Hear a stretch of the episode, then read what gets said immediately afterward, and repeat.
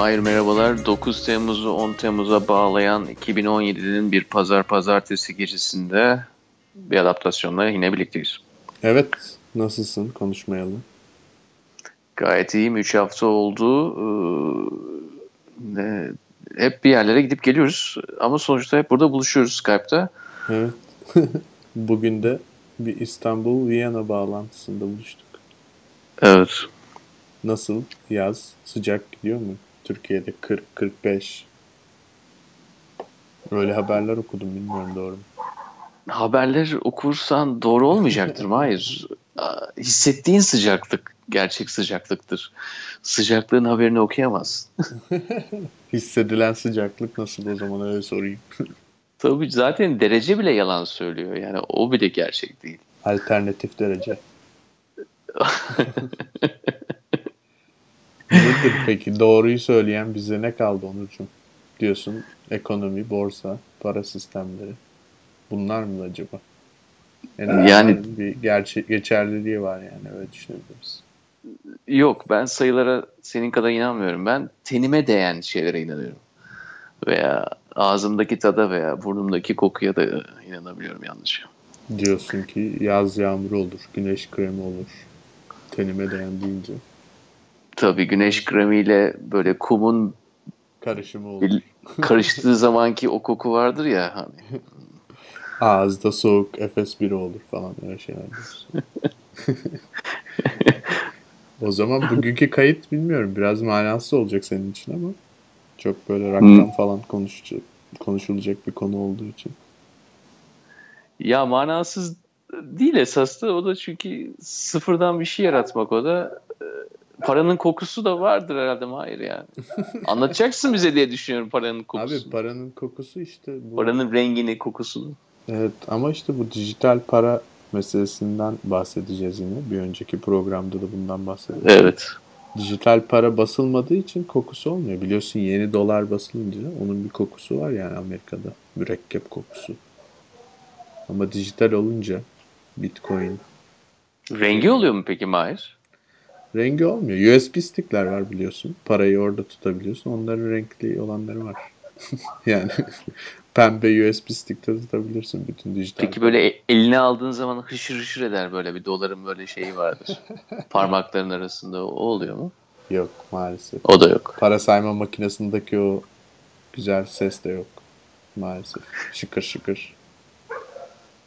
Esasında bunu Hmm. Biraz da üçüncü programı da bırakacağız. Bu bir üçlemeydi. Üçüncüsünde olayın nereye geldik biz tarafındayız ama bu programda neler biraz neler oluyor tarafındayız hala. Ee, 800 tane alternatif coin varmış Mahir. Yani yaklaşık bir, herhalde biz bu kaydı alırken şu anda bine ulaşıyordur.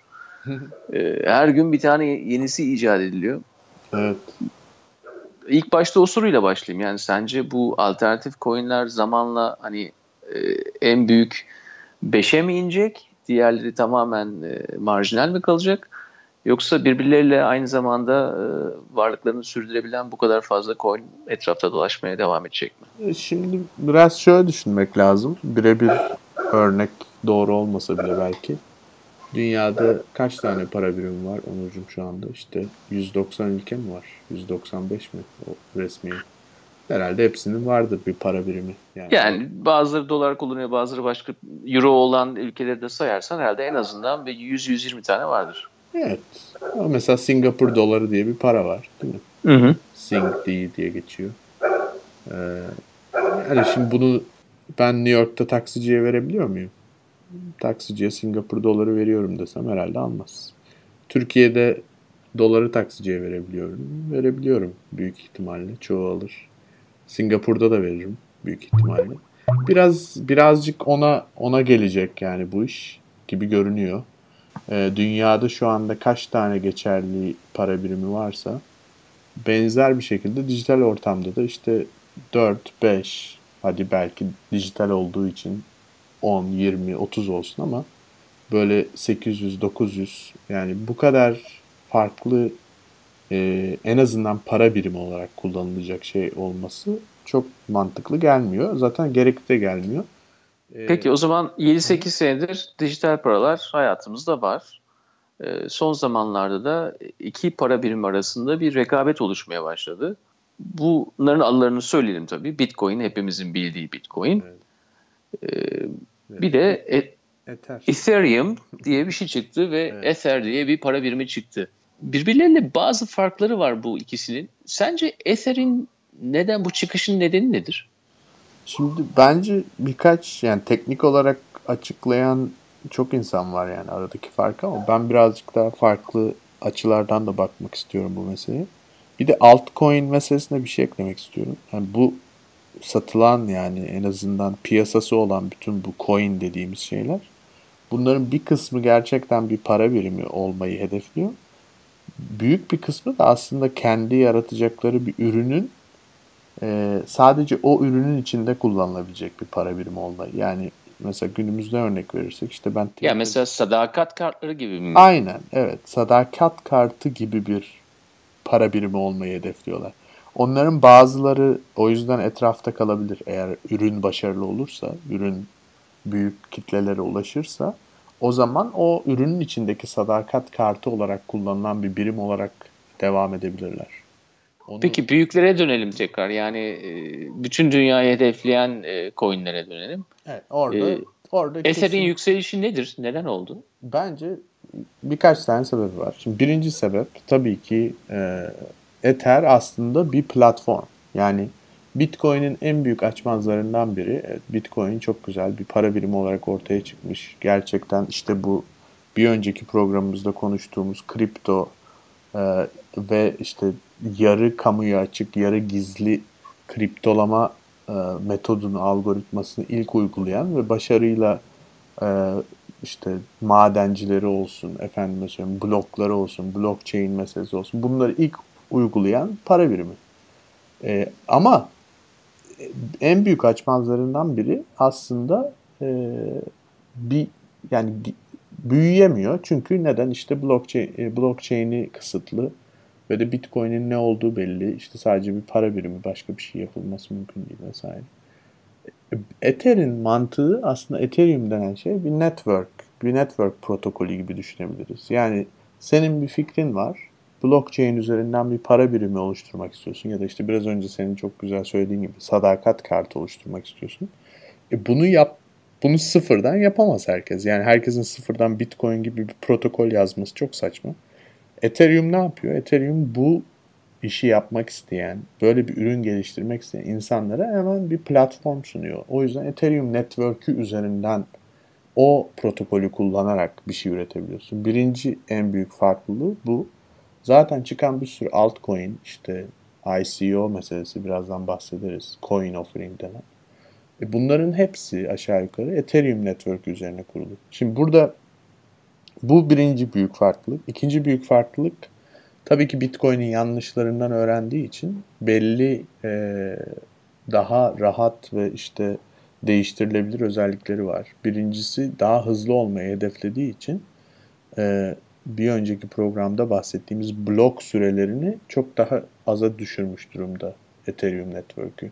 Bitcoin'de bir blok 10 dakika alırken Ethereum'da 14-15 saniye alıyor. Yani bu şu demek e, işte en azından bir 60 kat belki de daha hızlı transfer yapabiliyor. Yani veri transferi aynı zamanda para transferi de olabilir tabii ki. E, farklı bir e, mantığı da var. Yani bir önceki programda yine blockchain'in ilk başından bahsederken şundan bahsetmiştik. İşte bloklar oluşturulurken madenciler var. Bu madenciler para kazanıyor vesaire vesaire.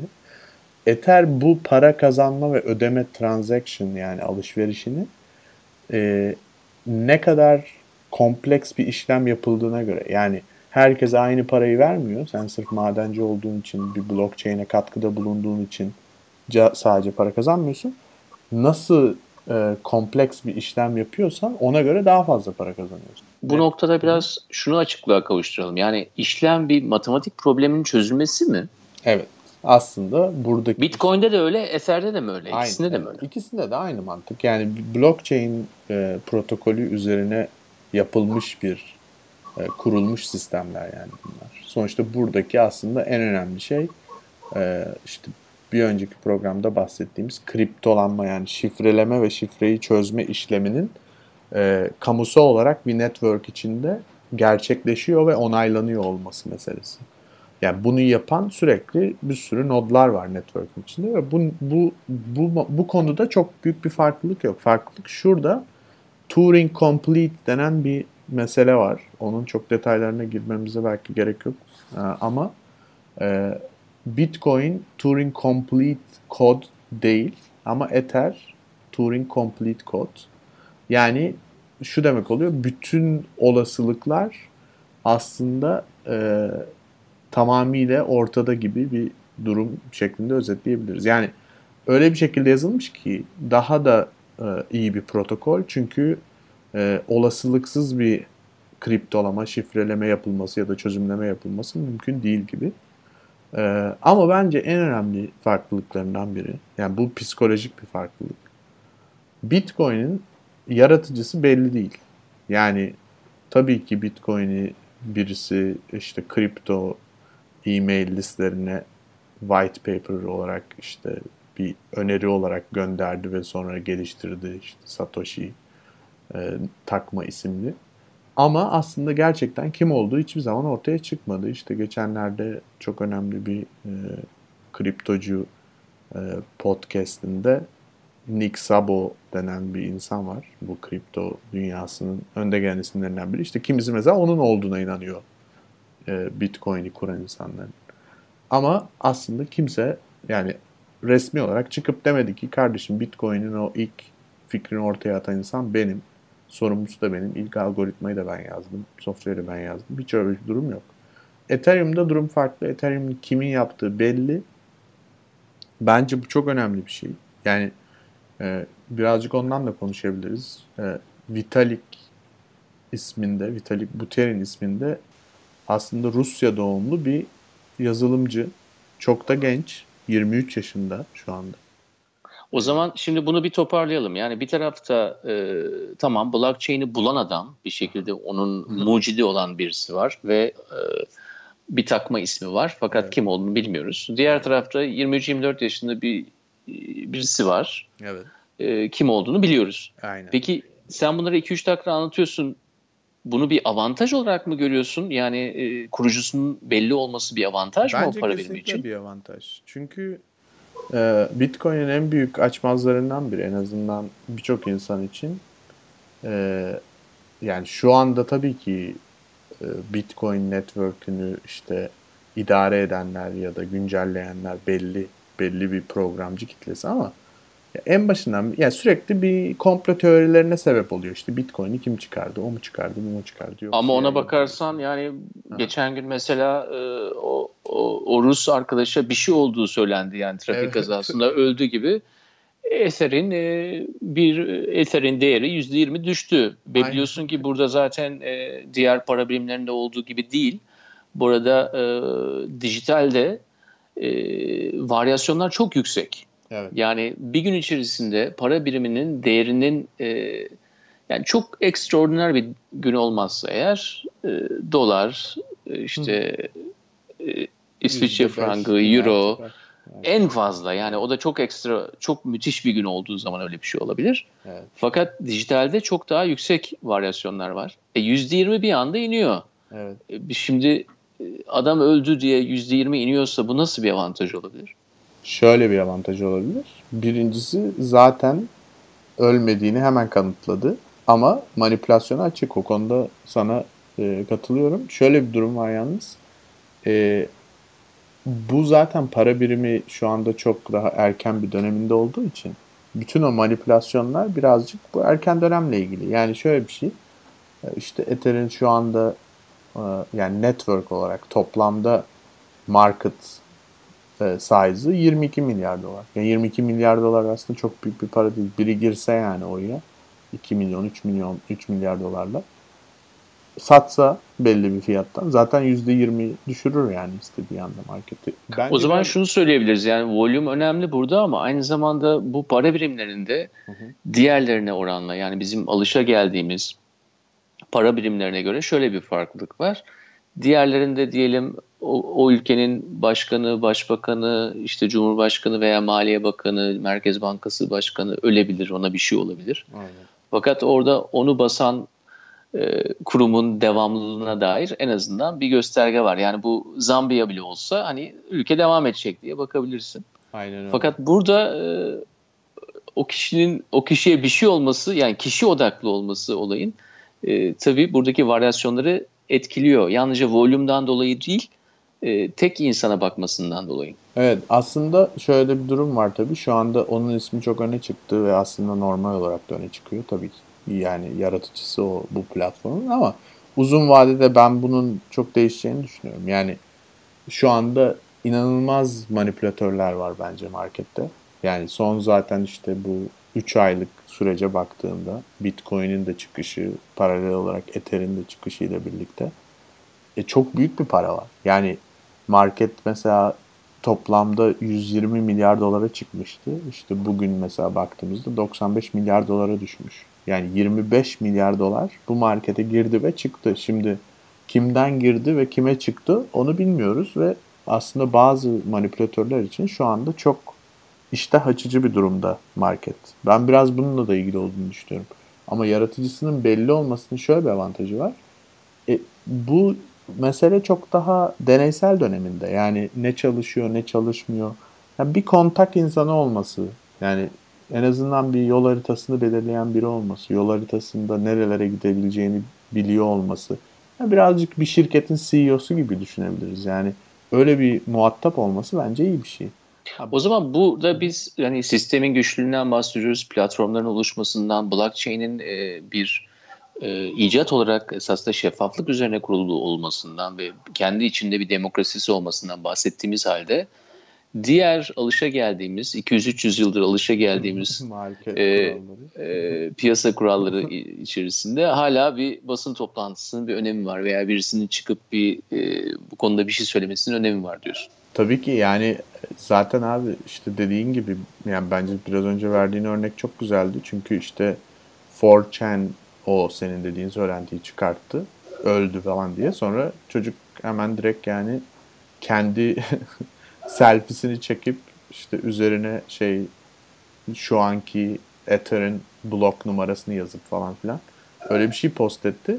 Hani bu şunun göstergesi aslında e, dediğin gibi piyasa belli bir psikolojiyle hareket ediyor ve şu an küçük olduğu için ve 7-24 açık olduğu için ve saliselerde işlem yapılabildiği için ve botlar yazılabildiği için, bilgisayar programları herkes tarafından yazılabileceği için inanılmaz manipülasyon açık. Ama uzun vadede düşündüğümüzde aslında önerdiği şey hala geçerli. Yani şu anda olan manipülasyon bana sorarsan ve bence devam edecek. Belki bir sene, belki iki sene, belki on sene daha devam edecek bilmiyorum ama o fikrin doğruluğunu ya da fikrin e, eski paraları alt edeceğini er ya da geç değiştirmiyor benim için onu demek istiyorum.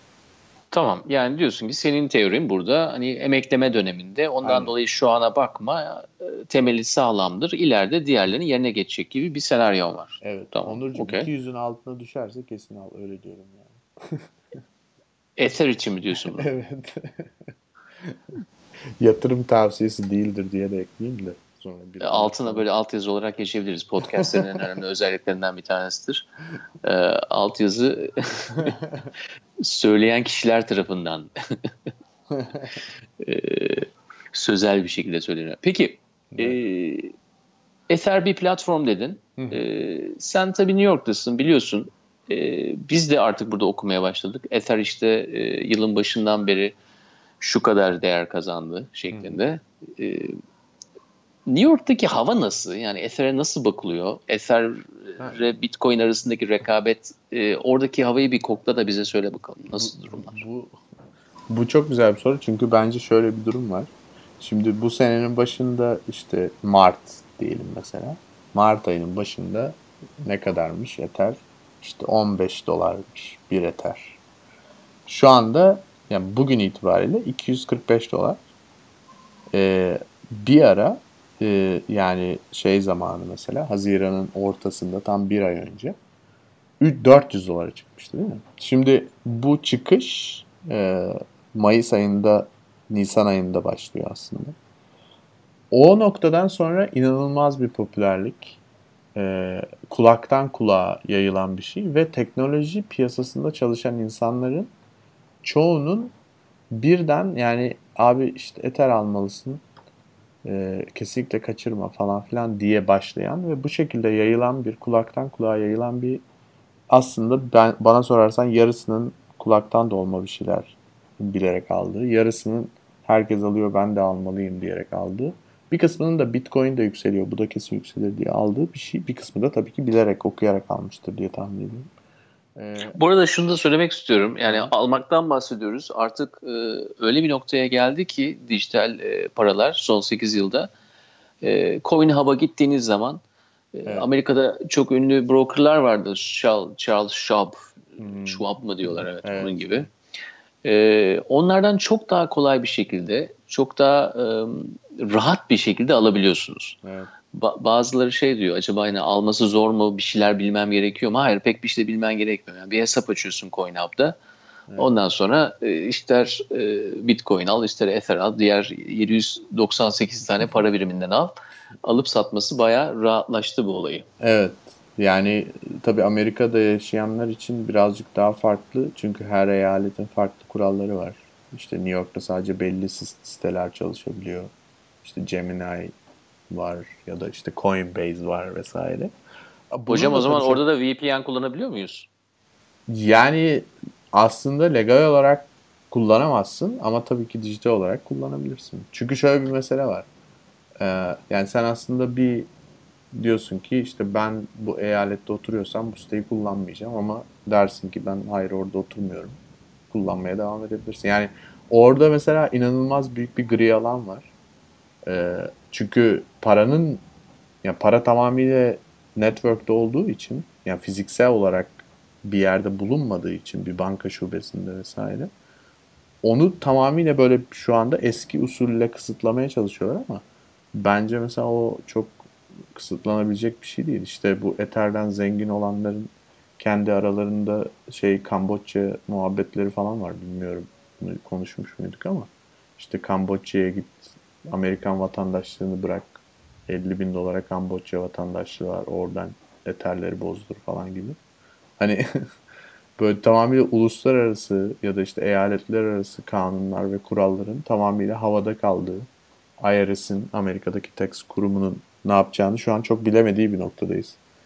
Ee, ama biraz önceki o hava meselesine dönecek olursak e, ya bir moda olduğu kesin herkesin de işte ben bunu bugünden alayım, yarın öbür gün Apple listeleri gibi olur ya da Amazon listesi gibi olur modunda olduğu da kesin.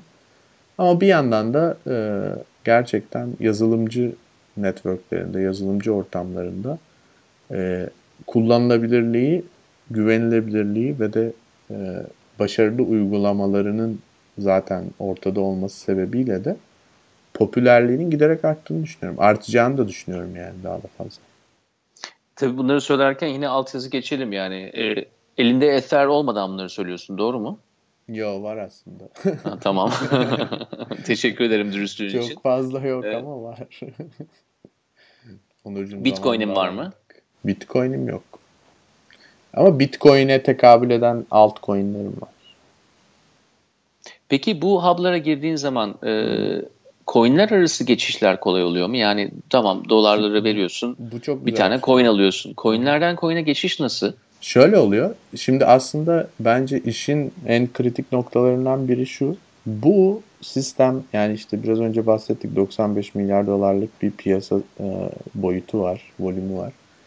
Bu aslında bir ekosistem. Yani sen işte benim elimde şu altcoin var. Yok işte Ether'e verdim, Bitcoin'den aldım falan. Bunların çok bir önemi yok aslında. Niye? Çünkü aslında bütün dijital currency'ler hala Amerikan dolarına bağlı. Yani sen o parayı exit yapamıyorsan şu anda. Bunun, bunun da sebebi ne? Şu. Ben süpermarkete gidiyorum. Ether'le alabiliyor muyum? Alamıyorum hala. Bitcoin'le alabiliyor muyum? Bazı yerlerde. Japonya'da işte havaalanında geçiyormuş. Yok işte efendim söyleyeyim Tayvan'da kulaklık alabiliyor musun? Avustralya'da bankomatı varmış falan filanmış ama yani ben sonuçta hala gidip şöyle bir bir büyük yeni rakı alabiliyor muyum süpermarketten? Alamıyorum Ether'le. O noktaya gelene kadar aslında bir çıkış olması gerekiyor. O çıkış hala Amerikan doları üzerinden oluyor ya da işte euro dersin ama bence Amerikan doları hala bu işin e, mihenk taşı yani asıl e, değer veren şey şu anda hala Amerikan dolarına ne kadar tekabül ettiği. E, bu noktada da sen aslında bir coin alıyorsun. Kendi aralarında farklı trendler gösterebiliyorlar ama Bitcoin muazzam bir hızla düşerken ya da Ether o e, ekosistemin içinde olan altcoin'lerin hangi coin olursa olsun düşmeme ihtimali yok. En azından Amerikan doları olarak düşmeme ihtimali yok. O zaman şöyle diyoruz yani biz burada hala hani Omo, Alo gibi bu para birimlerini biraz daha deterjan markaları gibi ayrıştırmaya çalışıyoruz ama e, biraz yeni olduğu için bu hepsi ya hep beraber düşüyorlar ya hep beraber çıkıyorlar. Yani deterjanın kendisine bütün deterjan fiyatları düşüyor veya bütün deterjan fiyatları yükseliyor gibi. Evet. E bunun da sebebi şu olur. Çünkü eğer Ether mesela birçok yerde geçiyor olsaydı, Bitcoin başka yerlerde geçiyor olsaydı, işte efendime söyleyeyim e, Monero altcoin'lerden bir tanesi ya da Dash ya da Zcash onlar başka başka yerlerde geçiyor olsaydı e, ve o geçen yerler mesela Rusya deseydi ki ben Dash kullanmak istemiyorum artık o zaman Dash'in değeri düşerdi diğerlerininki düşmezdi değil mi? Ama böyle bir durum yok ki şu anda. Şu anda hepsi zaten Bitcoin üzerinden dolara dönüyorlar. Bitcoin'in de geçtiği işte elle sayılır. Hani 500 ya da 5000 tane yer vardır dünyada başka bir şey. Bir dakika burayı anlamak istiyorum. Yani Hı-hı. biz Bitcoin üzerinden mi dolara dönüşüyoruz illa? Bence yani şu anda hayır Ether üzerinden de dolara dönüşebiliriz.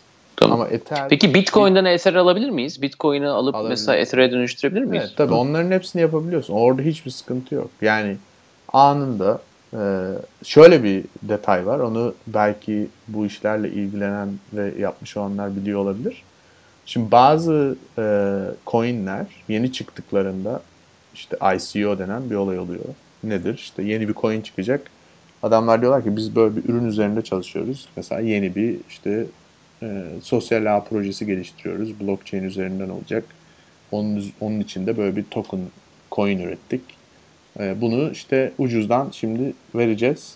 İleride de değerleneceğini düşünüyoruz diye başlatıyorlar. Şimdi o noktada şöyle bir şey oluyor. Herkes aynı anda hücum ettiği için e, network'te yavaşlamalar olabiliyor. İşte o sırada transfer yapmak zorlaşabiliyor. O tip sıkıntılar olabiliyor. Bu birincisi. İkincisi de bazı e, coinler aniden yükselmeye başlıyorlar. Yani bu tabii ki bir manipülatif bir hareket. Yani biri muhtemelen işte whale, balina denilen yatırımcılar belli coinleri belli zamanlarda yükseltmeye başlıyorlar.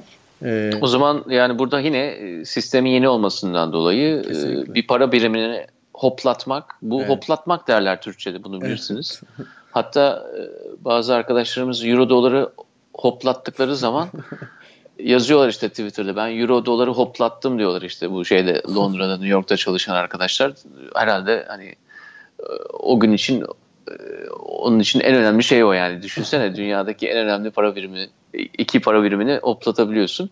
Ama burada balina olmak biraz daha kolay tabii çünkü piyasanın darlığından evet, dolayı. Aynen. Tamam hopladı diyelim. Hoplattı whale'lar girdi. Hopladığında bazı e, ya aslında bence birçoğu benim gördüğüm kadarıyla bu para birimlerini alabildiğimiz ve değiştirebildiğimiz, takas edebildiğimiz siteler ve sistemler tabii ki böyle bir şeyle çok fazla baş edemedikleri için o para birimini kitleyebiliyorlar bir süreliğine. Yani ne yapıyorlar? İşte transferi durduruyor. Çünkü bakıyor inanılmaz bir iniş ya da çıkış var. Ve aracı kurum olarak bununla baş edebileceği bir durum yok. Yani çünkü her şey dijital olduğu için yani inanılmaz glitchler olabiliyor arada. Yani 5 dolarlık olan bir altcoin birden 50 sente düşüyor yarım saat sonra. İşte bir saat sonra da yeniden 6 dolara çıkıyor falan. Şimdi burada aracı kurum eğer iyi hesaplayamazsa trendi inanılmaz zarar ediyor. Bunu engellemek için bazen şeyleri kitleyebiliyorlar. O zaman bu bizim e, bildiğimiz hani e, borsada da öyledir yani e, gün içerisinde belli bir yükselme veya belli bir azalma olduğu zaman hani durdurabiliyorlar trafiği birkaç saatliğini. Bunun da ayrı bir otokontrol sistemi oluşmuş yani. E, gayri ihtiyari bir şekilde oluşmuş ama oluşmuş diyoruz. Evet. Ama mesela şöyle bir şey oldu. Bu örneği de verelim. Ee, hani bu kadar detayına girdik. Onu da bahsetmeden geçmeyelim. Ether Network'ünde Coinbase üzerinde özellikle. Çünkü bir sürü farklı Asya'da da Çin'de, Kore'de e, exchange yapan bir sürü farklı piyasa var. Amerika'daki en büyük piyasasında inanılmaz büyük bir glitch oldu. Bundan yaklaşık bir ay önce kadar zannediyorum. E, 280 dolardan 90 sente kadar düştü bir dakika içinde.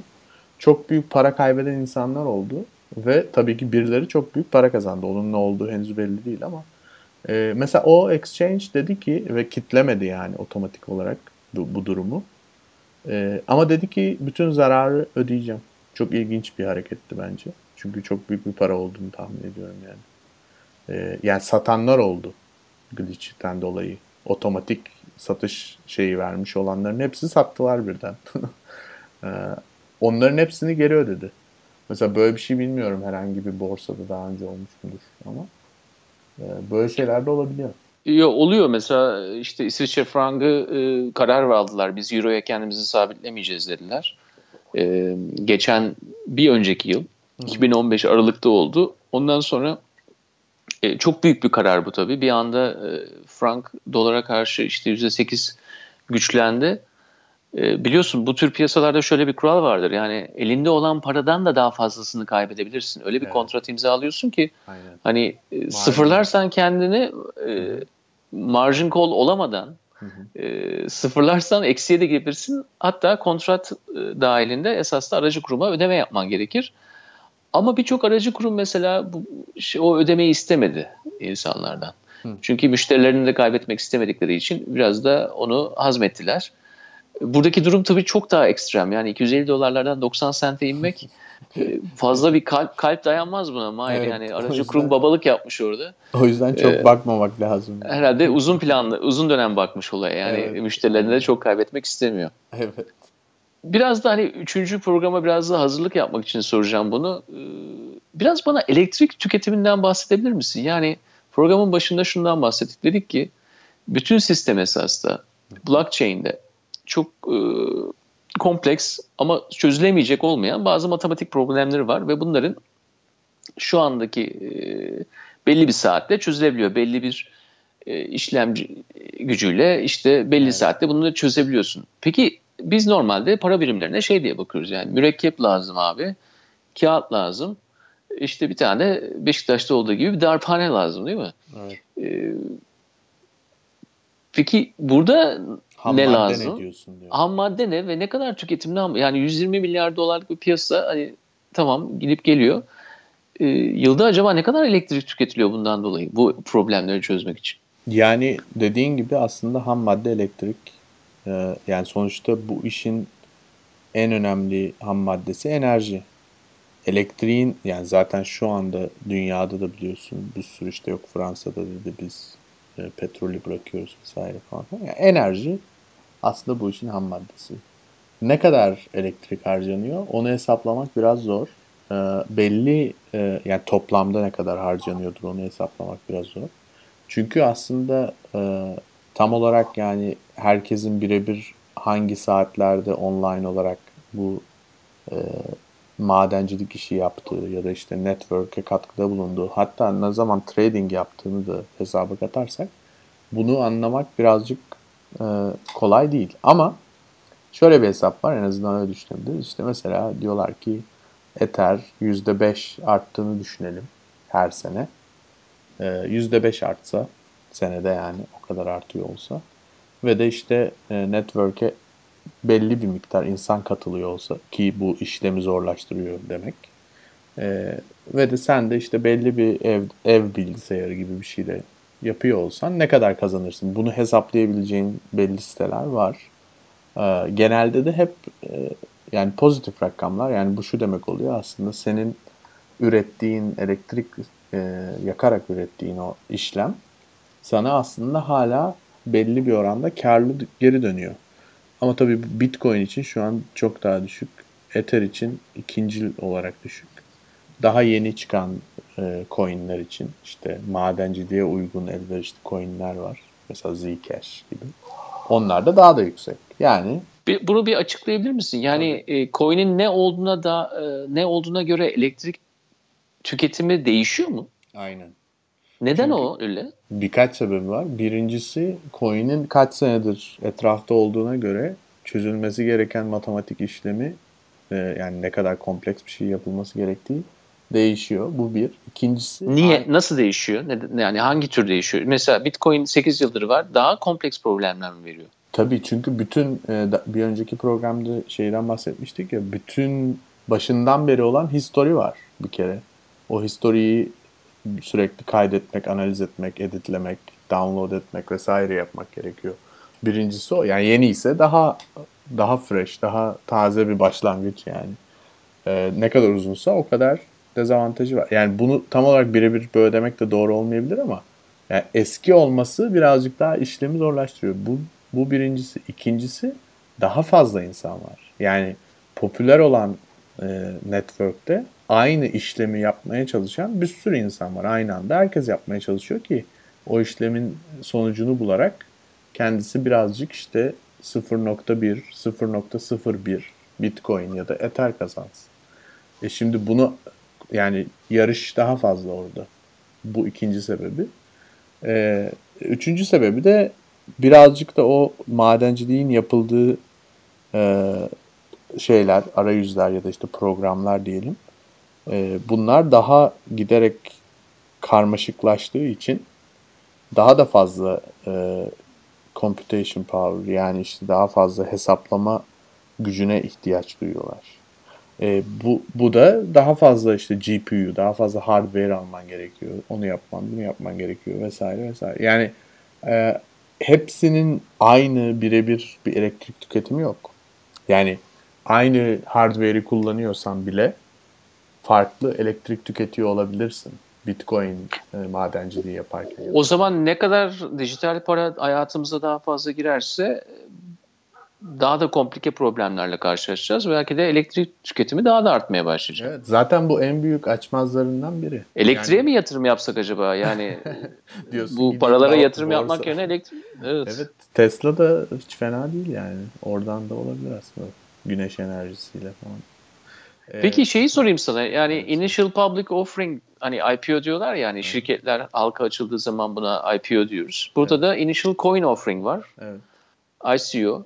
E, ama IPO olduğu zaman en azından biliyorsun hani şirket nedir, ne zamandır işte piyasada ne satıyor veya hani tamam şu an kar etmiyor olabilir ama ileride nasıl kar edebilir gibi böyle hani pro- projeksiyonlar yapıyorsun. Bir ICO olduğu zaman neye bakıyorsun? Yani bir anda bir ICO oluyor mesela çok büyük bir para o coin'e giriyor. Yani evet. bu tamamen spekülatif mi yoksa bir baktığımız bir şey var mı orada? Şimdi bu zaten son zamanların en popüler konusu. Çünkü son 2 3 hatta 4 5 diyelim ICO inanılmaz paralar e, raise ettiler. Yani inanılmaz paralar aldılar initial offering için.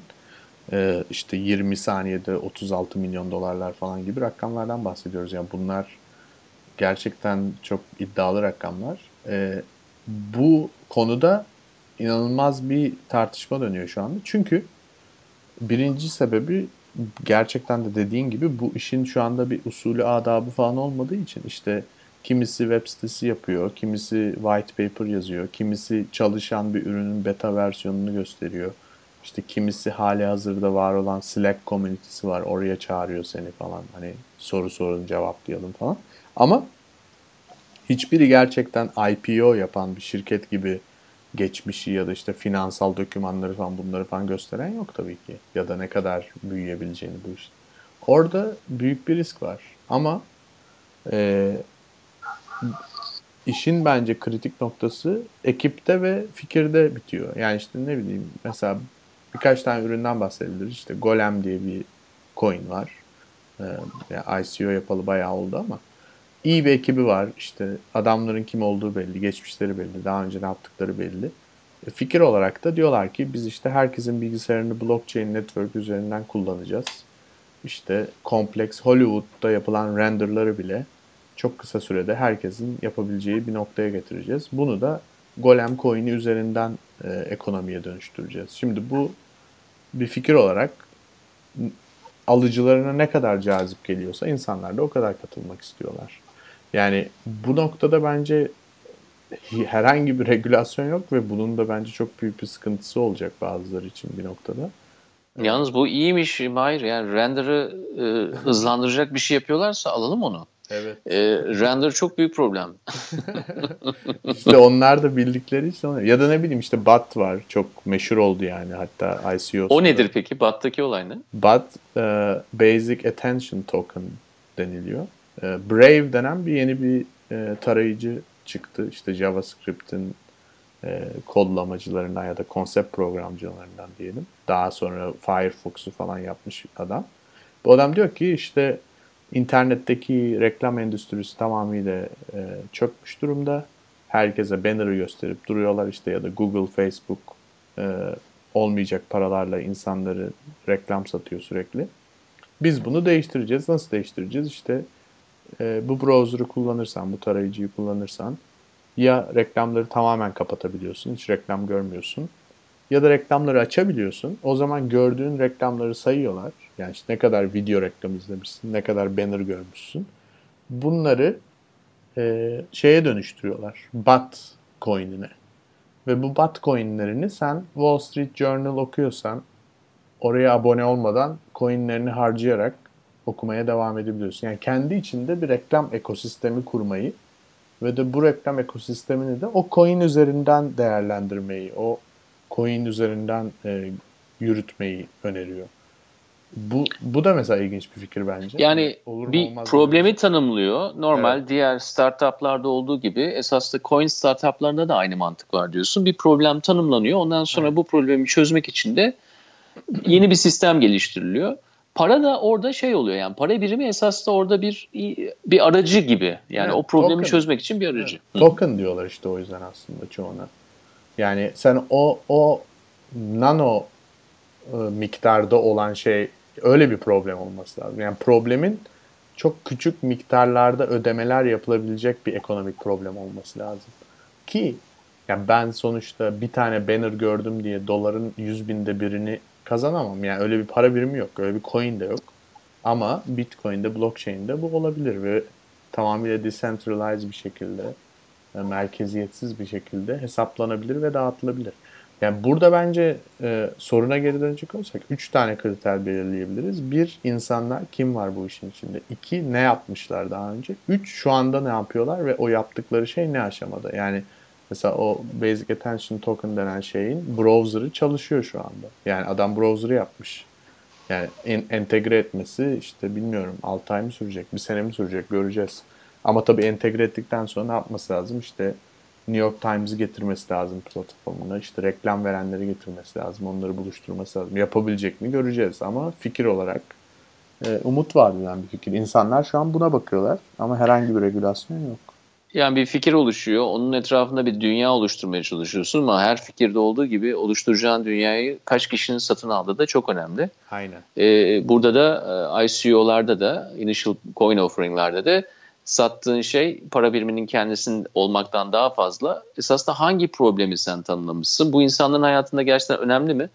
Ve biraz da e, oradaki hani o nano e, işlemlerin sonucunda bunun senin hayatında bir anlam ifade edecek mi? Yani evet. çok marjda kalırsa çünkü çok önemsiz hale gelir. Bir önem adedecek şekilde sen ona yaklaşabiliyorsan Aa diyorsun ki ben bu coin offering'e girebilirim diyorsun. Ee, Birçok kişinin bilmediği de bu esas da yani biz bunları dijital para diye geçiyoruz. Ama altlarında böyle bir şeyin olması yani başta programın başında dediğimiz gibi sadakat kartı örneği oradan önemli. Esas da kendi ekosisteminde yanında getiriyor. Evet. E, ve de hani diyorsun ki hani 800'lerden biz ileride aza ineceksek de diyorsun hangi problemlerin daha önemli olduğu da e, veya hangi çözümlerin daha önemli olduğu da e, bir şekilde o ilk foto finish'e gelecek olan para birimlerinin ne olacağını da belirleyecektir. Yüzde yüz. Yani burada aslında bence en önemli kriter şu. Bu çözülen sorun gerçekten bir sorun mu? Ve çözülen sorun blockchain dediğimiz teknolojiye ihtiyacı olan bir sorun. Eğer ki bu böyle bir şeye ihtiyacı yoksa yani ben mesela şimdi desem ki sana ben ayran satmak için bir tane coin üreteceğim. Böyle bir şeye ihtiyaç var mı? Yok aslında. Ayranın hani öz, bir özelliği var mı diğer satılan şeylerden? Yok. E bunun yani bunu tabii ki ben ICO yapabilirim falan. Belki millet para da verir ama ya bunun çok bir geleceği olma ihtimali olduğunu düşünmüyorum. O zaman orijinal bir problem bulun, orijinal bir çözüm bulun. Orijinal. Ee, orijinal olun her zaman olduğu gibi. Ya, ya da benim gibi işte acaba elektriğe mi yatırım yapsak diye e, cinlik yapın. Sen tabii işin kökenine gittin Onur hemen. o elektrik şirketini de alır Vitalik görürsün gelecek. bilmiyorum damat olacak hepsini damat. Neyse o zaman bir sonraki programda damatların e, dijital paralara nasıl baktığını konuşalım. Öyle mi? Üçüncü programı onun üzerine kuracağız değil mi tamamen? Damatlar. Damatlar. Ve oğullar. Çok teşekkürler Mahir. Gelecek hafta yeni bir adaptasyonda görüşmek üzere. Görüşmek üzere Onur.